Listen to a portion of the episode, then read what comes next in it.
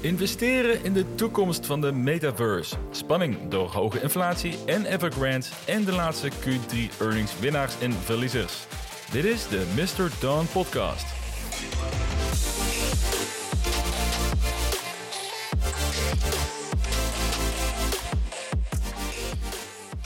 Leuk dat je luistert naar deze aflevering. Mijn naam is Jasper en in deze podcast focussen we ons op investeren in innovatieve groeiaandelen. En het was weer een bijzonder drukke week op de beurs met een hoop dingen om te bespreken. Als eerste loop ik je zo meteen door het nieuws van de afgelopen week, met onder meer het Evergrande faillissement, of het bijna faillissement, en een recap op de week van de EV's. De beursgang van Rivian hield de beleggers behoorlijk bezig in de afgelopen week en het heeft de schijnwerpers ook weer gezet op het elektrische voertuigensector. Voor sommigen met een positief effect, maar sommigen blijven liever wellicht nog eventjes werken vanuit de schaduw. En dan wil ik nog even kort een blik werpen op de inflatiecijfers. Daarna wil ik het hebben over investeren in de metaverse. Dat is een hot item waar de afgelopen weken ontzettend veel over wordt gesproken. En de naamsverandering van Facebook als moederbedrijf naar de naam Meta, ja, dat zorgde al voor de nodige extra aandacht rondom dit domein. Dus ik zal je vertellen wat mijn mening is over de metaverse ja, en welke aandelen hiervan zouden kunnen gaan profiteren.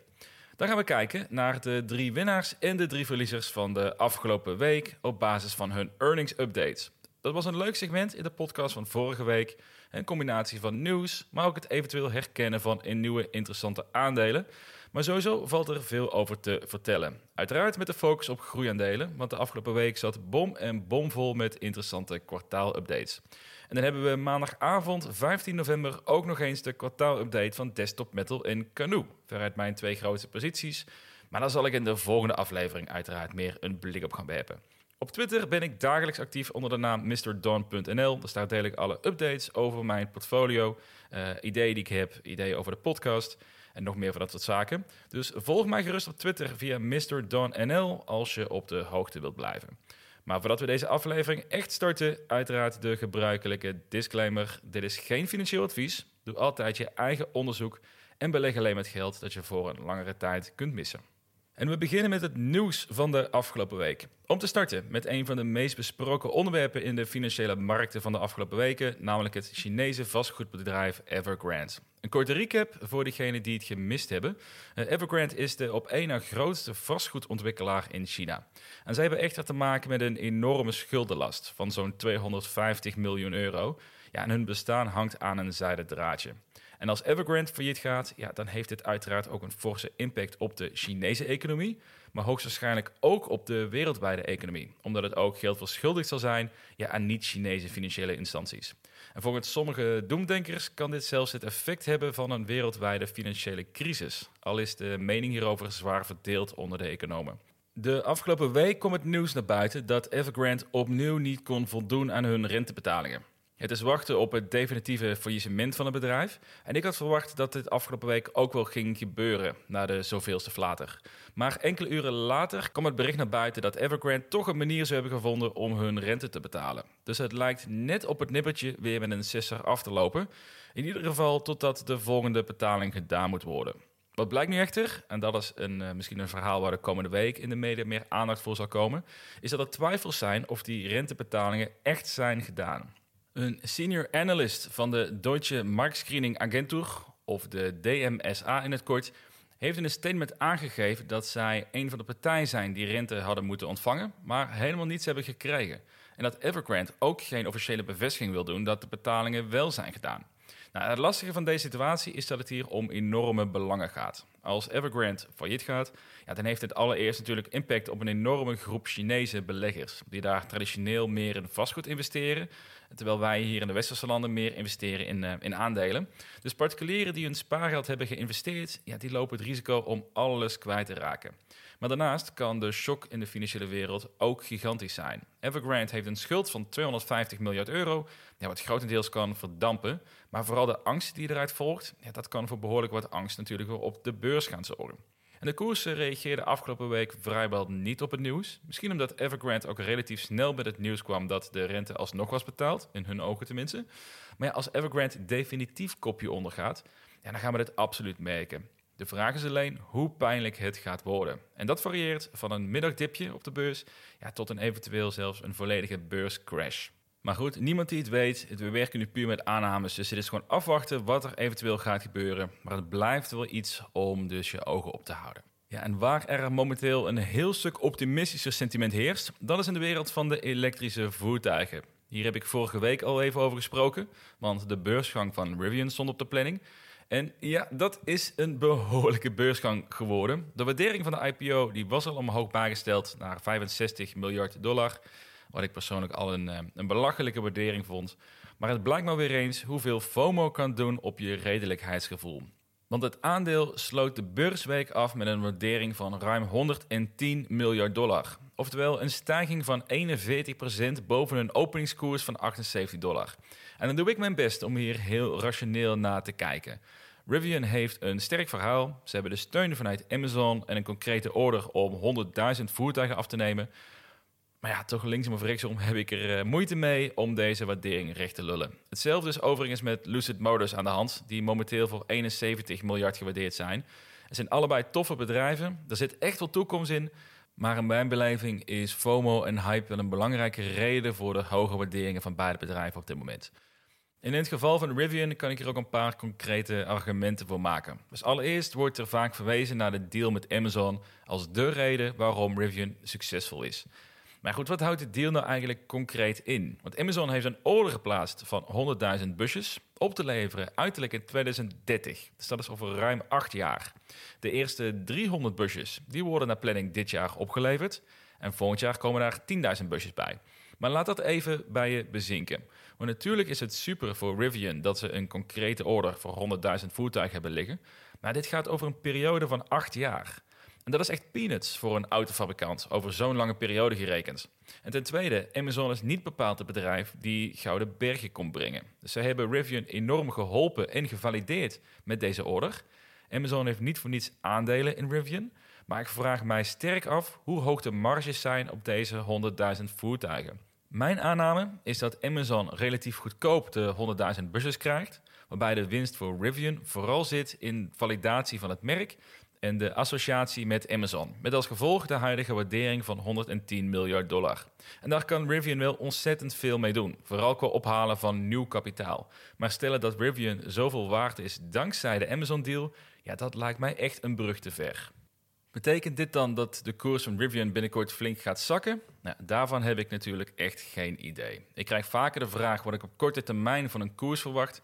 Maar ja, daarover zit ik vaker mis dan dat ik gelijk krijg. Maar wat ik wel durf te zeggen, is dat als de hype een beetje gaat liggen en de ratio keert terug in de beleggingswereld, ja, dat het mij zou verbazen dat Rivian deze waardering vast kan houden. Anderzijds, kijk naar de grote broer Tesla. Ja, dat is al jaren een enigma hoe die waardering nog steeds zo hoog kan blijven oplopen. Tegelijkertijd lijkt dit me ook een goed moment om een meer terughoudendere blik te werpen op deze elektrische voertuigensector. Het is overduidelijk dat elektrische voertuigen de toekomst zijn. Ik denk oprecht dat iedereen die nu 35 jaar of jonger is, ja, het in zijn of haar leven gaat meemaken dat er enkel nog elektrische auto's op de weg rijden. Want die trend is simpelweg niet meer te stoppen. En het is een gevolg eigenlijk van een aantal supertrends, met in bijzonder de klimaatdoelstellingen. Ja, en hierdoor voelt het heel aantrekkelijk voor beleggers om in dit domein actief te zijn. Nou, daar ben ik zelf natuurlijk ook een voorbeeld van. Met een portfolio die bijna voor de helft bestaat uit één EV-startup met Canoe. En dan is het wel extra verstandig om je ogen open te houden voor ontwikkelingen die kunnen zorgen dat je investering geen succes wordt. Want wat ik zie gebeuren is dat de traditionele autofabrikanten met een enorme inhaalslag bezig zijn. Ford is bezig met een elektrische uitvoering van hun populaire F-150 pick-up. En dat is het lievertje bij de Amerikaanse pick-up bestuurders. En General Motors heeft hun elektrische bestelbus gepresenteerd op een conferentie. En die bus lijkt stiekem best veel op het busje van Canoe. In, ieder geval qua uiterlijk, even los van specificaties en pricing. En Ford en General Motors, ja, die hebben natuurlijk wel de capaciteit om ontzettend snel op te kunnen schalen. Hiervoor zullen ze wel fors moeten investeren in hun fabrieken en het productieproces om moeten gooien. Vandaar dat ik nog steeds weinig vertrouwen heb in het gros van de traditionele automakers. Ze hebben die optie wel. Vandaar dat er met ogen wordt gekeken naar EV-startups. En zeker diegenen die nog niet in het massaproductieproces zitten. Het Engelse Arrival is een van dat soort bedrijven, waar veel belangstelling voor bestaat bij beleggers. Tot begin vorige week had het bedrijf een waardering van zo'n 11 miljard dollar. Helaas hebben zij in een earnings update van de afgelopen week ja, moeten aankondigen dat hun productie op de schop gaat. Waardoor ze hun verwachtingen fors naar beneden moeten bijstellen. Ja, en het aandeel ging daardoor meteen met 30% in het rood. Het blijft een ontzettend lastig proces, maar de EV-startups met een goed onderscheidend verhaal, en die komen uiteindelijk wel bovendrijven. En ik heb echt al mijn twijfels over een aantal, waarvan ik vind dat ze de boel rooskleuriger afbeelden dan de werkelijkheid. Ja, tot een aantal die zelfs de boel rechtstreeks aan het belazeren zijn. Maar ik zal die namen voor nu even laten voor wat het is. En ik denk als je mijn Twitter volgt, dat je heel snel weet. In ieder geval één van die waar ik nogal, eh, nogal pessimistisch over ben, om het zo even uit te drukken. Nou, tot zover de EV-markt. Dan wil ik wel nog even snel één blik werpen op de inflatiecijfers. Want ik ben zeker geen econoom, dus ik wil me hier niet te veel over uitlaten. Maar als je het financiële nieuws hebt gevolgd, dan heb je meegekregen dat de inflatie bizarre vormen begint aan te nemen. In Nederland is de inflatie inmiddels 3,4 procent. Dat is de hoogste stijging in bijna 20 jaar tijd. In Amerika is het zelfs 6,2 procent op jaarbasis. En er wordt gesteld dat het een transitory inflation is. En je kan het op meerdere manieren opvatten, maar de manier waarop de Amerikaanse Fed het gebruikt, is dat de inflatie uiteindelijk over een lange periode weer terug naar de mediaan zal gaan. Dat betekent dat we nu bijvoorbeeld een inflatie zien van zo'n 6%, maar over de komende 10 jaar zien we gemiddeld uiteindelijk dat we rond de 2% of iets dergelijks uit moeten komen, ondanks dat we hoger van start zijn gegaan. En omdat in die periode een aantal redenen van deze hoge inflatie, zoals problemen in de supply chain en het surplus aan geld in de economie, ja, dat dat langzaam wordt opgelost, is de reden waarom dat langzaam dus meer normaliseert. Dat is in ieder geval de filosofie vanuit de Fed. Persoonlijk doe ik vrijwel niets met deze informatie. En het is niet omdat ik het niet belangrijk vind, maar omdat ik met mijn manier van investeren hier eigenlijk heel weinig baat bij heb. Het gros van mijn vermogen zit in aandelen en in startups. Dus ik hoef mij weinig zorgen te maken dat mijn geld op de bank minder waard wordt. Want dat is er praktisch niet. En sowieso is het aanhouden van te veel cash in deze economische omstandigheden sowieso een slecht idee in mijn beleving. Natuurlijk los van een spaarpot om slechtere financiële tijden mee te kunnen overwinteren. Daarnaast investeer ik voor minimaal vijf jaar vooruit in mijn grootste posities. En in die periode zullen wel vaker macro-economische oorzaken kunnen zijn je om te twijfelen aan je beleggingsstrategie. Dus als voorbeeld uit een recent onderzoek van CNBC blijkt dat particuliere beleggers die minimaal 1 miljoen dollar geïnvesteerd hebben in aandelen, op dit moment het meest pessimistisch zijn sinds Q2 vorig jaar. En dat was de periode dat de beurs enorm onder druk stond door de coronacrash maar de koersen behoorlijk hard aan het herstellen waren door de financiële boost vanuit de Fed. Dus het vertrouwen nu zit een beetje rond dat niveau. En sinds de start van Q2 vorig jaar is de SP met 88% gestegen. Oftewel, een negatief sentiment in de markt is zeker geen teken dat het per se slechter gaat worden in de nabije toekomst. Tegelijkertijd zie je bij de CNN Fear and Greed Index, die bestaat uit zeven indicatoren op basis van daadwerkelijk gedrag op de beurs, dat het sentiment juist op dit moment extreem bullish is. Dus je hebt zoveel indicatoren, meningen en ook aannames van beleggers en analisten. Nou, als je daar allemaal rekening mee moet houden, dan kan je beter je geld in een index stoppen en de paswoord van je broker-app vergeten. Dus ik zou zeggen, besteed daar vooral niet te veel aandacht aan. Zeker niet als je dit voor een lange termijn aan het investeren bent. Dus terugkomend op het inflatiepunt, het is absoluut iets om je als consument zorgen over te maken. Het wordt echt wel een stuk duurder voor ons allemaal en het gaat ook echt wel pijn doen bij ons in de portemonnee. Maar als belegger is het voor mij geen reden om hierdoor mijn strategie aan te passen. Het enige wat dit voor mij heeft bevestigd, is dat ik een verstandige zet heb gedaan door te leren om mijn geld te investeren in plaats van te sparen. En dat is hopelijk voor jou natuurlijk ook het geval. Tot zover het nieuws van de afgelopen week. Er speelde hoop, dat is inmiddels wel duidelijk. En straks gaan we kijken naar de winnaars en de verliezers van de afgelopen earningsweek. Maar allereerst wil ik een blik werpen op een van de meest besproken trends in de afgelopen periode, namelijk het ontstaan van de metaverse. Maar ik weet niet hoe het met jou zit, maar ik ben de afgelopen weken kapot gegooid met deze term. En soms heb ik het gevoel dat ik ergens een memo heb gemist, want deze term ja, die lijkt echt vrij abrupt te zijn ontstaan. Er speelt dan ook ontzettend veel in de digitale wereld, van crypto tot NFT's. Ja, nu dan de metaverse die alles samen zou moeten brengen. Het is leuk om hier naar te kijken vanuit een investeerdersperspectief. Dus ik zal je vertellen wat mijn beeld hierbij is en welke aandelen interessant zijn als je hierop zou willen inhaken. Maar allereerst, wat is nou de metaverse? Nou, wat ik heb gemerkt is dat heel veel mensen de metaverse voor zich zien als een soort digitale wereld waarin jij alles kunt doen en laten van wat jij nu ook in de echte wereld doet. Dus noem het even een uitgebreidere variant van Second Life. Je krijgt een digitale alias waar je je eigen leven omheen creëert. Je koopt kleding in de digitale wereld. Je richt je digitale huis in met spullen die je koopt via NFT's. Je gaat naar digitale concerten en allemaal, dat soort dingen. Nou, en dat is een van de opvattingen die ik het meest voorbij heb zien komen. En ik denk ook dat het een van de meer concretere, of noem het even tastbaardere manieren is, om het ook het, het metaverse-principe toe te lichten. Maar ik zie het zelf wel iets breder dan dat. Ik moet wel toegeven dat ik echt nog in fase 1 zit van mijn verdiepingsslag in de metaverse.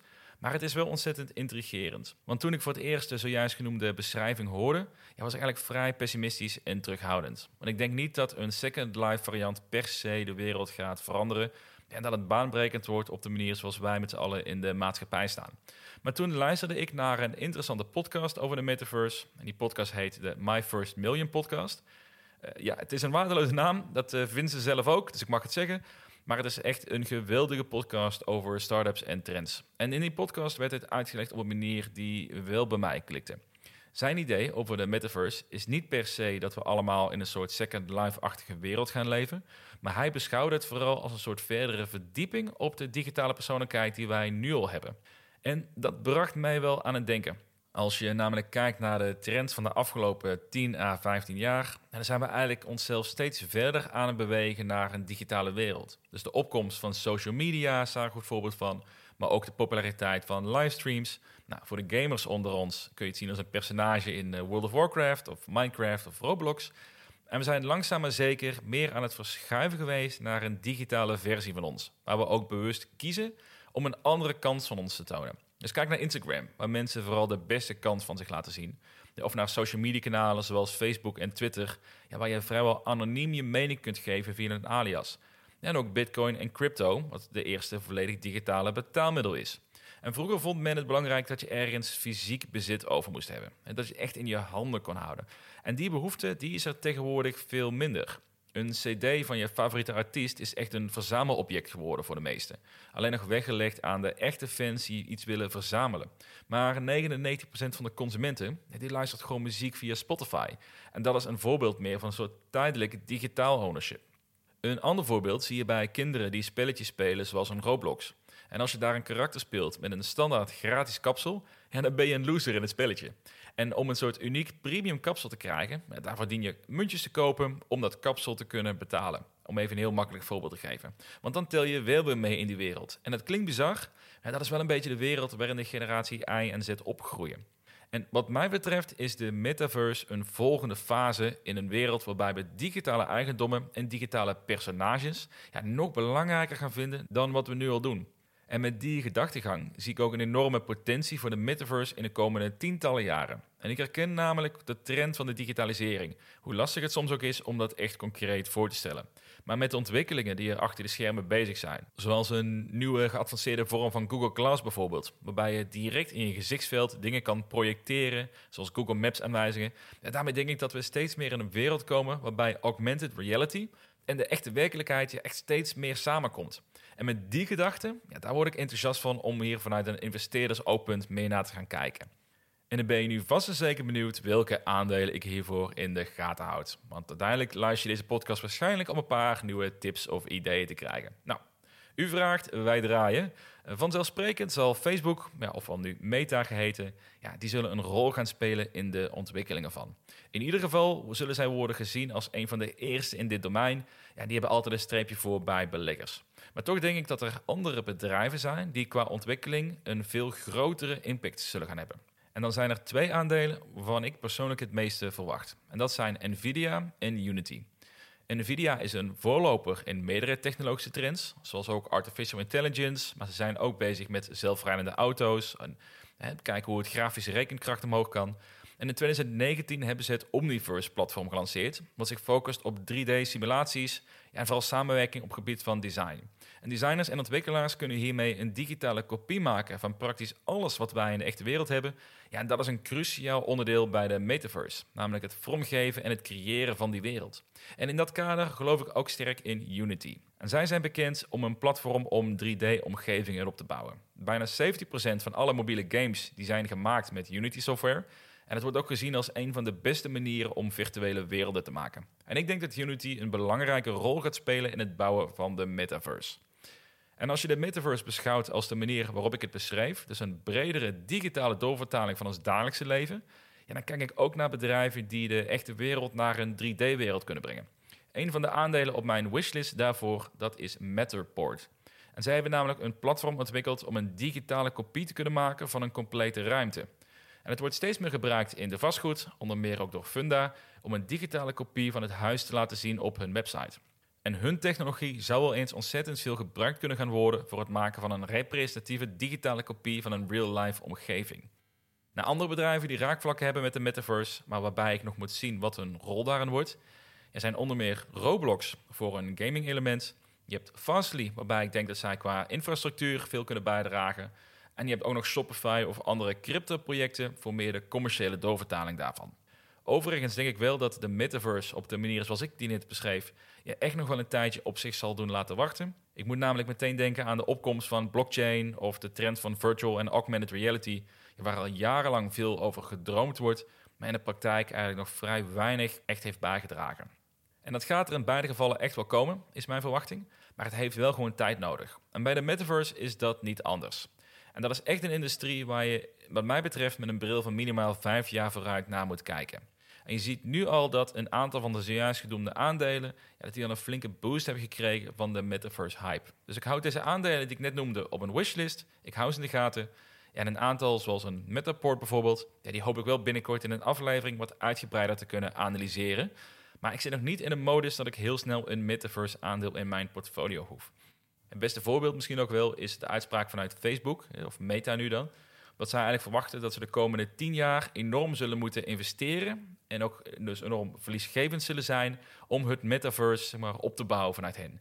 Dus dat, dat geeft ook wel aan met wat voor een lange termijn blik er gekeken naar wordt naar bedrijven zoals een Facebook. Nou, tot zover de metaverse. Ik denk een super interessant onderwerp die de komende jaren nog veel besproken zal gaan worden.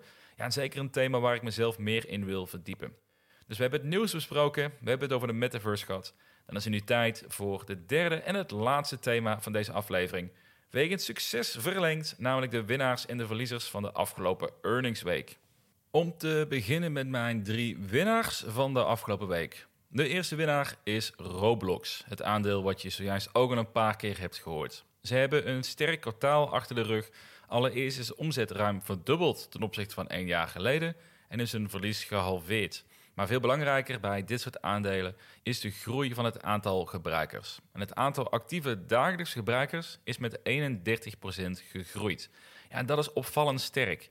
Zeker als je beseft dat Q2 vorig jaar we allemaal massaal thuis zaten. Dus ook de scholieren die Roblox veel spelen. En nu inmiddels is de maatschappij veel meer opengesteld. Maar toch schijnen ze dus echt groei te kunnen houden in het aantal spelers van, uh, van een game. Het bedrijf is wel nog steeds sterk verliesgevend. Ze hebben een lagere EBITDA dan vorig jaar. Maar ik denk dat de combinatie van gebruikersgroei en de associatie met Metaverse ja, dit aandeel een flinke duw in de rug heeft gegeven. De koers ging dan ook met 38% in de plus in de afgelopen week. De tweede winnaar is het freelancer platform Fiverr. En ze hebben ook een sterk kwartaal achter de rug met een omzetgroei van 42% year over year. Het aantal kopers op het platform is flink gestegen. En ook het gemiddelde bedrag wat op het platform wordt uitgegeven is fors omhoog gegaan. En het heeft ertoe geleid dat de verwachtingen voor dit jaar met een paar procent is verhoogd naar een totale omzet van bijna 295 miljoen dollar. En dat spreekt vertrouwen uit in de fase waarbij er toch wat negatiever sentiment over Fiverr begon te ontstaan. Het is toch een platform die vooral nuttig was tijdens de pandemie. Maar met dat sentiment ben ik het sowieso niet eens. En de markt heeft nu ook het vertrouwen uitgesproken. Want met een koersstijging van 21% in de afgelopen week ja, hebben ze een hele mooie reactie gezien op hun kwartaalupdate. Een mooi bedrijf, maar wel nog steeds ontzettend prijzig. En de derde, en in mijn ogen de grootste winnaar van het afgelopen week, ja, dat is PubMatic. En dat is een van de weinige gouden aandelen van dit seizoen geweest. Ze hebben een uitstekend kwartaal achter de rug. Hun omzet is gestegen met bijna 54% year over year. En ook is het bedrijf fors winstgevender dan de analisten hadden verwacht. En dit is al het vierde kwartaal op rij dat PubMatic met minimaal 50% in omzet groeit. Wat bewijst dat dit gewoon een ontzettend sterk groeibedrijf is. En als klap op de vuurpijl is hun omzetverwachting voor geheel 2021 met 8% verhoogd. Naar een omzet van 227 miljoen dollar. En voorheen was dat 209 miljoen dollar. Dus hiermee verwachten ze in totaal dit jaar met 53% te gaan groeien. De EBITDA-verwachting die is nog optimistischer. Dat is namelijk bijgesteld van voorheen 68 miljoen in EBITDA naar 88 miljoen dollar aan EBITDA. Oftewel een stijging van bijna 30% bovenop de eerdere guidance. Ja, en dat is een geweldig resultaat, waardoor de koers een enorme stap heeft gemaakt en met 47% is gestegen in de afgelopen week. En via Twitter kreeg ik een vervolgvraag van Ken over PubMatic. Want dit aandeel heb ik onlangs nog geanalyseerd en destijds een kooptarget gegeven van zo'n 28 dollar. Of 28,75 was het in mijn hoofd. Nou, inmiddels staat de koers op bijna 40 dollar. En de vraag werd dan ook gesteld: is PubMatic nu nog steeds een goede aankoop? Ja, gezien de verrassende goede earnings. En dat vind ik wel een leuke vraag van Ken om even bij stil te staan. Want een bedrijf en de koers is natuurlijk dynamisch. En in de meeste gevallen presteert het aandeel een beetje in de buurt van wat je ervan verwacht. Als je hè, goed onderzoek hebt gedaan. En daar houd je al rekening mee als je een koersdoel bepaalt. Maar in meer zeldzame gevallen, zoals deze, waarbij het bedrijf echt iedereen verrast met resultaten, dan kan het wel nuttig zijn om weer opnieuw naar de cijfers te kijken. Dus dat heb ik in dit geval dan ook gedaan. En dan kom ik uit met een vergelijkbare berekening als in mijn vorige analyse, dat PubMatic met deze cijfers een fair value heeft tussen de 36 en de 40 dollar op basis van een discounted cashflow analyse. Ja, dan heb je weer die vervelende margin of safety tussen de 10 à 20 procent die je wilt aanhouden om iets zekerder te zijn over je investering. En dan kom ik uit op een koersdoel tussen de 32 en de 35 dollar. En dat is al flink hoger dan mijn vorige koopdoel van 28,75 dollar. Dus de huidige koers ligt hoger dan mijn koopdoel. Betekent dit dan dat ik PubMatic nu overgewaardeerd vind? Ja, dat is absoluut niet het geval. Want zij laten een uitstekende groei zien. Ze zijn winstgevend. En het bedrijf heeft gewoon een positieve zin verrast. Maar ik zou wel op dit moment eventjes wachten met het openen van een positie. Maar als je al een positie hebt en je was van plan om je investering uit te breiden bij een goed earnings report, ja, dan vind ik de waardering nu niet te ver uit de pas lopen om die stap te durven zetten. Dan gaan we over naar de verliezers van de afgelopen week. En we starten met een gemixt geval. Een verliezer in mijn ogen, maar optimisten kunnen hier ook wel de positieve punten van inzien. En het gaat hierbij over de crypto broker Coinbase. Coinbase profiteert van de handel in cryptocurrencies. Dus hoe meer hype en hoe meer erover gesproken wordt, ja, des te beter voor hun omzet. Want er wordt natuurlijk ook meer gehandeld in de cryptomunten. En het afgelopen kwartaal was niet bepaald het beste moment voor crypto. Met als gevolg dat er minder transacties zijn gedaan en dus de omzet van Coinbase kwam een stuk lager uit dan was verwacht, namelijk ruim 1,2 miljard dollar. En één kwartaal geleden, in Q2, was de omzet nog ruim 2 miljard dollar. Dus een forse verlaging van de omzet.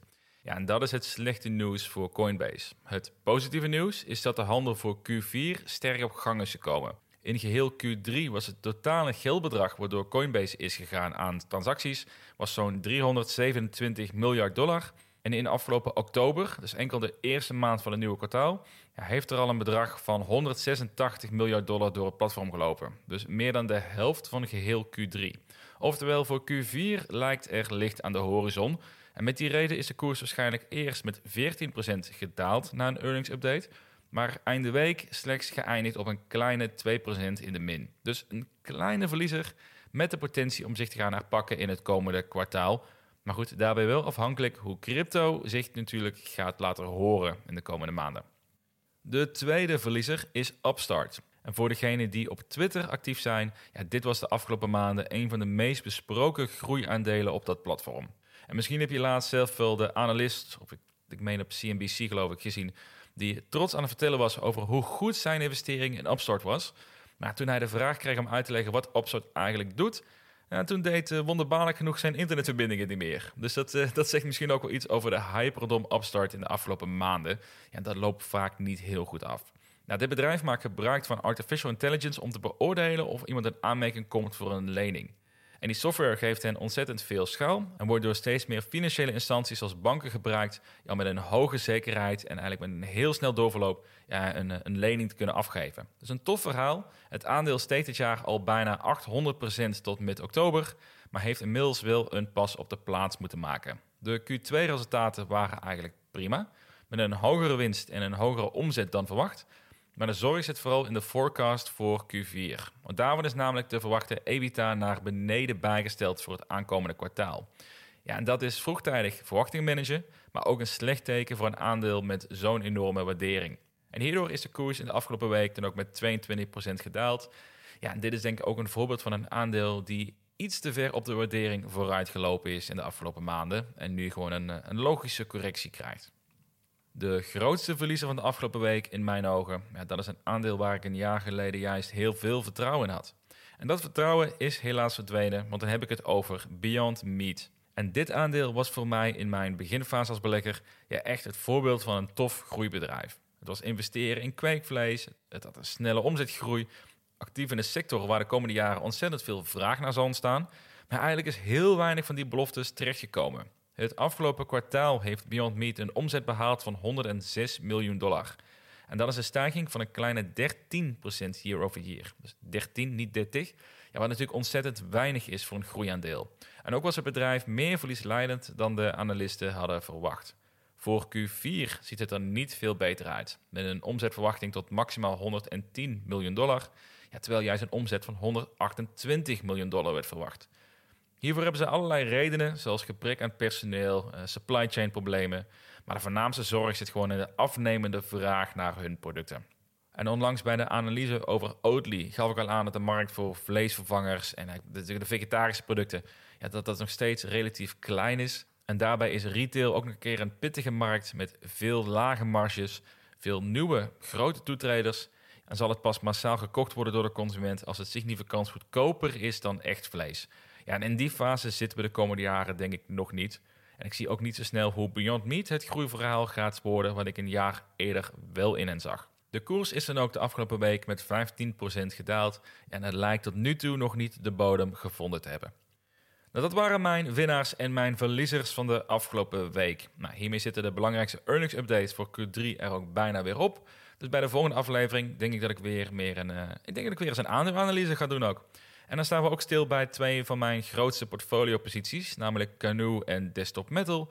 Want die hebben maandagavond 15 november hun update. Dus afhankelijk op welk moment je deze podcast luistert, nou, dan kan je vast inschatten of ik de volgende aflevering vrolijk of ontzettend chagrijnig ga zijn. We gaan afronden. Volg mij op Twitter via Mr. Donanel als je wilt weten waar ik mee bezig ben. Luister je via Apple Music, dan zou ik het waarderen als je deze podcast een score wilt geven. Voor nu bedankt voor het luisteren en graag tot de volgende aflevering.